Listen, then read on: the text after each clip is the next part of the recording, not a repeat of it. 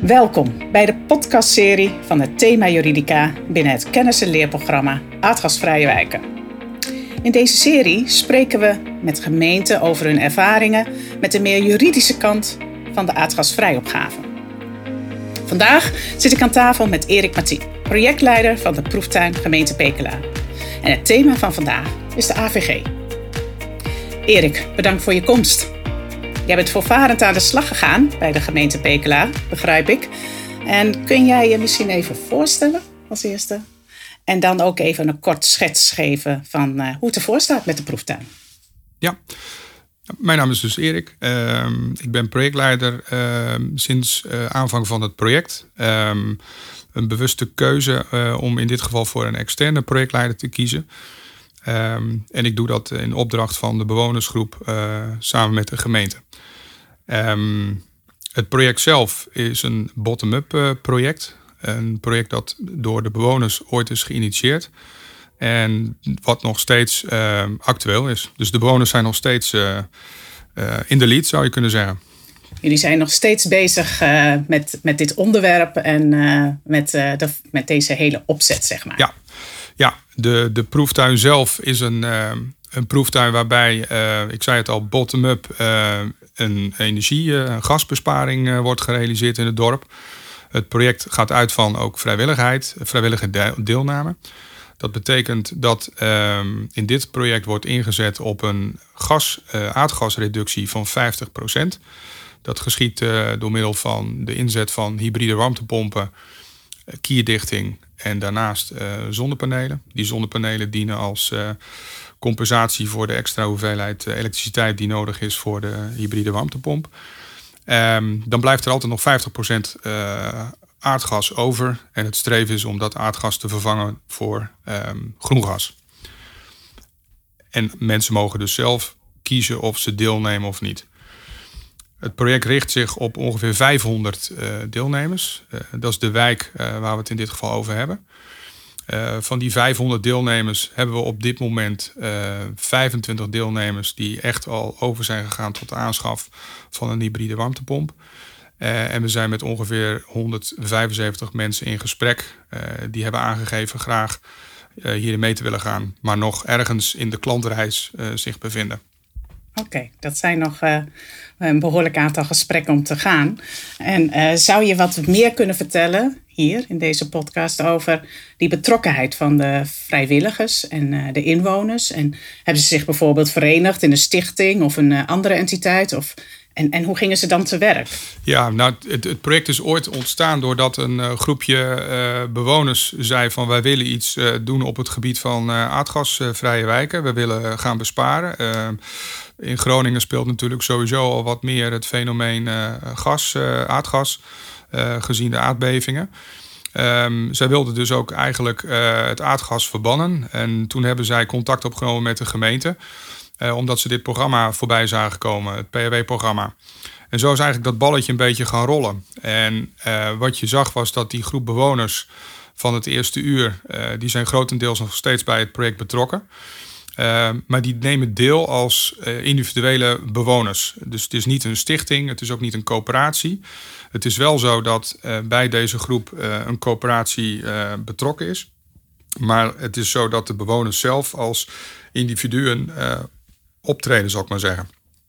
Met de gemeente en een aantal partijen daaromheen die de diensten leveren die nodig zijn om het project goed ten uitvoer te brengen. Ja.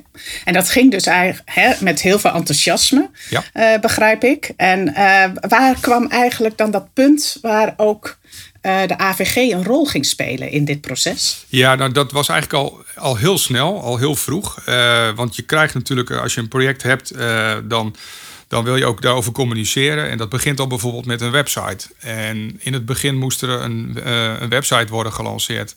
Nou, dat werd eigenlijk al heel snel gedaan. Houd je touwtje werd er een website opgetuigd. Het was ook een gratis platform waar gebruik van werd gemaakt. En daar kwam eigenlijk al het eerste AVG-stukje om de hoek kijken, omdat mensen daar hun gegevens achterlieten. Uh, mensen die graag wilden meedoen in het project en zeiden van nou, ik ben wel geïnteresseerd. En daar zag je eigenlijk al meteen het eerste moment uh, dat we te maken hadden met een website die helemaal niet veilig was. Uh, dat werd ook letterlijk gemeld als je op die website kwam. Dit is een niet veilige website. Dus mensen gingen al, ja, die stonden al een beetje in een houding van, nou, dat weet ik niet of ik daar wel mijn gegevens moet achterlaten. Nou, dat was ook het moment waarop we eigenlijk, ja, die website wilden professionaliseren. Maar je zag dat dat ja, in het begin best wel lastig was. Omdat men zei van ja, maar dit is een gratis website. We willen, dus, we willen goed met onze centen omgaan. Uh, wat natuurlijk ook logisch is. Maar tegelijkertijd dat hele fenomeen van veilig omgaan met gegevens die worden achtergelaten op een website. Dat was wat op dat moment veel minder in beeld was. Dus dat was eigenlijk het eerste moment waarop die AVG om de hoek kwam kijken. Nou, later ehm, kwamen er natuurlijk veel meer aspecten bij, bij kijken. Maar dat was eigenlijk het eerste moment ehm, ja, dat ik als projectleider ook het gesprek aan moest gaan met de bewonersgroep. over van ja, dit, dit zouden we toch anders moeten gaan inrichten. Want ja, het is ook in ons eigen belang om dit gewoon goed, uh, goed te regelen. Ja, dat werd niet altijd even, eh, werd niet meteen herkend, maar uiteindelijk is het wel opgepakt. En, en hoe heb je dat dan uh, aangepakt uh, in dat proces? Hè? Want jullie hebben dan een manier gevonden om dat procesmatig te gaan ondersteunen. Hè? Zo lees ik in je woorden, of dat hoor ik in je woorden. Um, hoe hebben, hebben jullie dat op dat moment dan ook aangepakt met die bewoners? Nou, ik, ik denk in eerste instantie hebben we aangegeven dat het ook in het belang is van het project zelf. Dat mensen met een veilig gevoel hebben. Hè? Een veilig gevoel bedoel ik in dit geval dat ze hun gegevens achterlaten en dat ze weten dat er zorgvuldig mee wordt omgegaan. Um, als je dat goed, uh, goed onder de aandacht brengt, dan, dan ziet iedereen op, op enig moment wel in dat dat ook inderdaad zo is. En dat je ook uh, gebaat bent bij een zorgvuldige afhandeling van, uh, van gegevens en hoe je daarmee omgaat. Um, dus dat ging eigenlijk al redelijk snel. Wat we vervolgens ook gedaan hebben, is dat we hebben gezegd van ja, dit gaat natuurlijk om veel meer gegevens. Want het is een project op basis van vrijwillige deelname. En wat je ziet is dat ehm, wij werken ook met vrijwilligers. En die vrijwilligers, ja, die uh, handelen heel strikt genomen uh, vanuit uh, als een natuurlijk persoon, maar wel vanuit een project. En dat project is, ja, is eigenlijk door de gemeente. de gemeente is eigenlijk projecteigenaar, zou je kunnen zeggen, strikt juridisch gezien. En daarom hebben wij ook meteen gezegd van joh, we willen ook meteen met die bewonersgroep, omdat het niet een stichting is, willen we alle losse individuen die in die uh, werkgroep zitten. Daar hebben wij een uh, geheimhoudingsverklaring mee opgesteld. Omdat wij vinden dat de gegevens die worden gebruikt in zo'n proeftuin. Hè, je zit bij mensen aan de keukentafel, je krijgt veel dingen te horen. Uh, daar moet je heel erg zorgvuldig mee omgaan. Dus ook daar hebben we dat op een gegeven moment ingeregeld. Dus we hebben gekeken naar de rollen. welke personen hebben we allemaal en wie doet wat. En wat gaan we ook met die informatie doen? Wat hebben we nodig? En dat hebben we eigenlijk goed in kaart gebracht. En we hebben geheimhoudingsverklaringen opgesteld. We hebben verwerkersovereenkomsten opgesteld. En van daaruit zijn we aan de bak gegaan. Dus we hebben dat eigenlijk organisatorisch ook meteen goed ingericht. En dat was daarom ook eigenlijk vanaf het begin af aan ook meteen onze werkwijze. En ja, dat is ook eigenlijk meteen uh, ja, omarmd. Ook als bescherming voor de vrijwilligers zelf. Ja, want dat was eigenlijk mijn volgende vraag. Kreeg je ook die vrijwilligers ook makkelijk mee in dit proces? Ja, in het begin, uh, ik kan me nog herinneren dat wij hadden op een gegeven moment een uh, geheimhoudingsverklaring uh, opgesteld. En ja, daar heb je natuurlijk ook over de sancties. Hè, van wat doe je nu als iemand niet, geen geheimhouding betracht van de gegevens waar die mee, mee, mee te maken krijgt.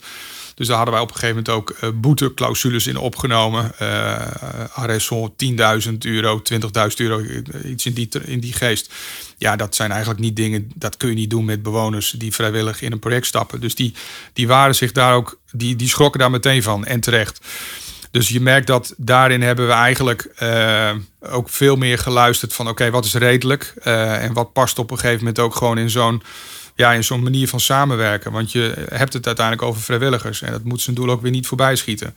Nee, dus um, op die manier hebben we dat destijds met de bewoners ingeregeld. En het werd eigenlijk heel snel omarmd. Uh, omdat ze het zelf ook wel zagen dat ze op die manier zichzelf beschermden.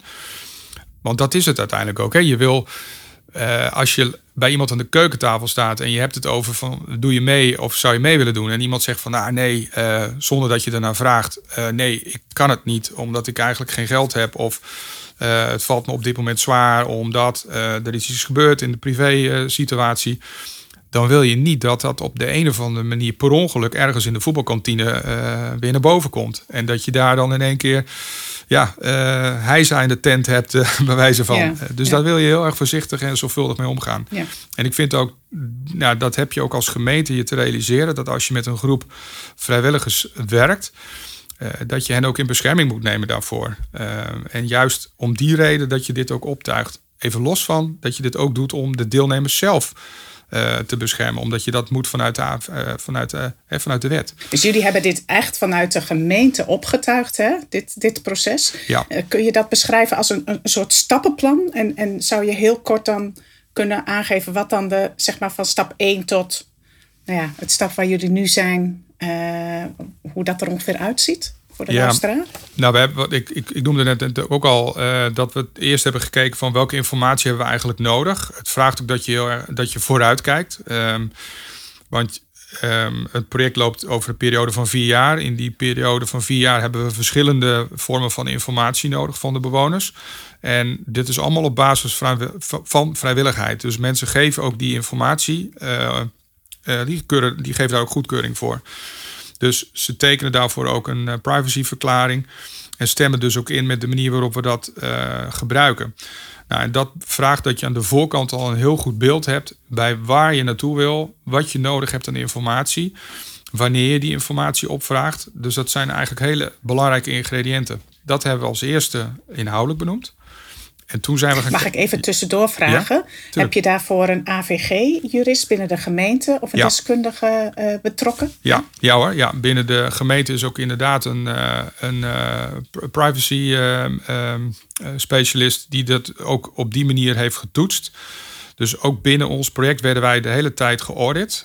dat is nog steeds wat gebeurt. wat ik zelf als heel prettig, bijzonder prettig ervaar omdat die ons ook steeds scherp houdt. Uh, en dat gaat echt verder dan alleen maar uh, de informatie die je opvraagt. Dat gaat ook over hoe wij communiceren in een WhatsApp-groep of überhaupt in een, in een app.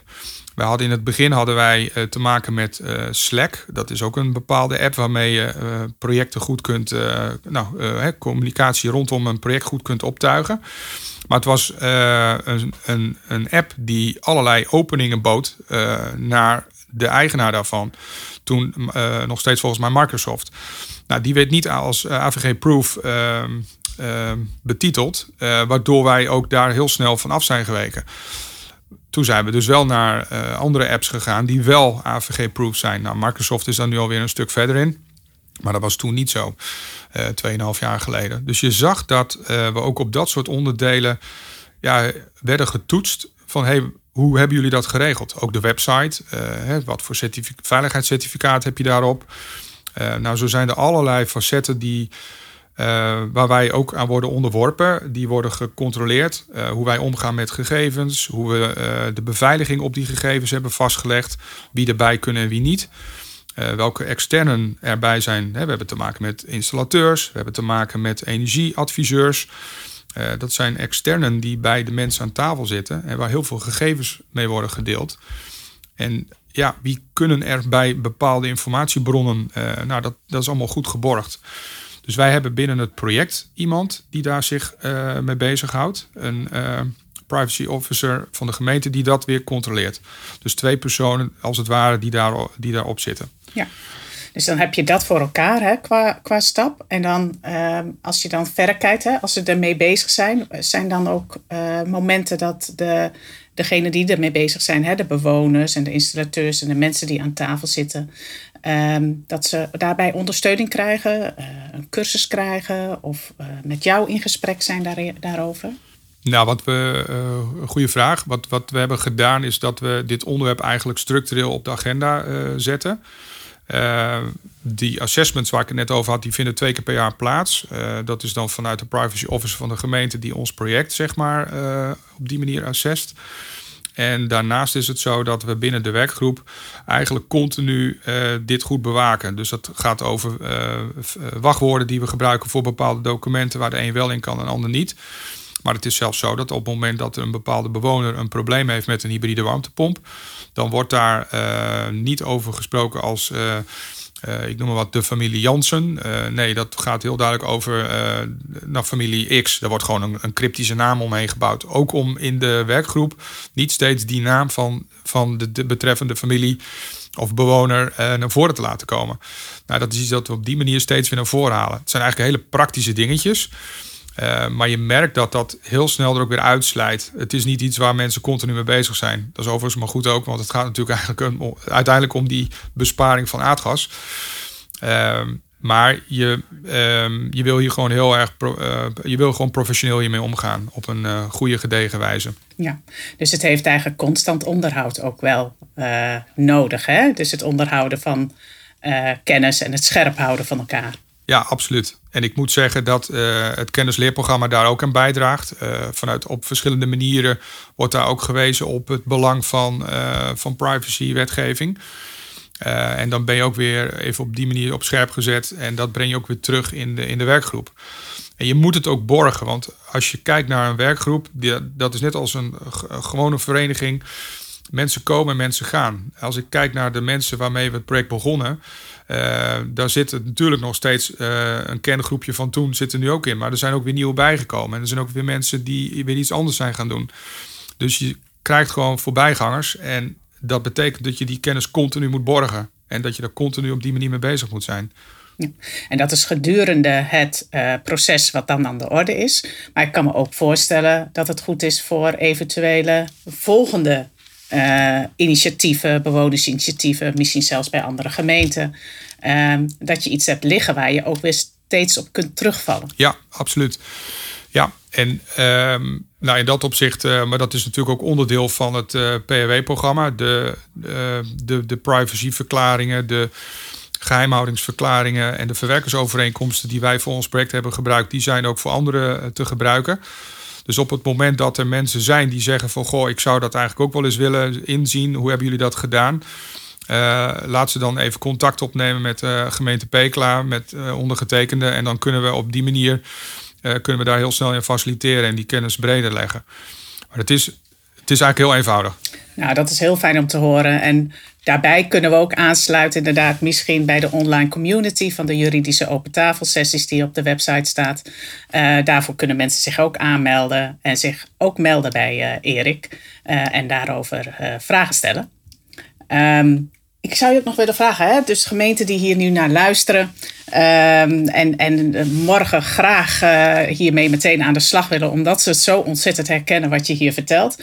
wat is dan eigenlijk eh, een aantal tips wat je zegt van nou begin hier dan als eerste mee om dit op te zetten, om dit op, op ja, op touw te zetten?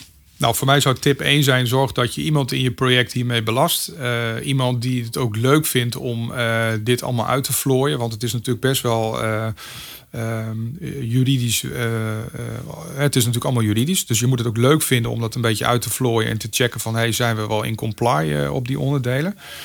Tegelijkertijd met de bewonersgroep meteen van begin af aan ehm, de vraag stellen welke informatie hebben we nodig, waarom en wanneer. Uh, dat is een andere hele belangrijke. En meteen als antwoord daarop ook een privacy-reglement maken.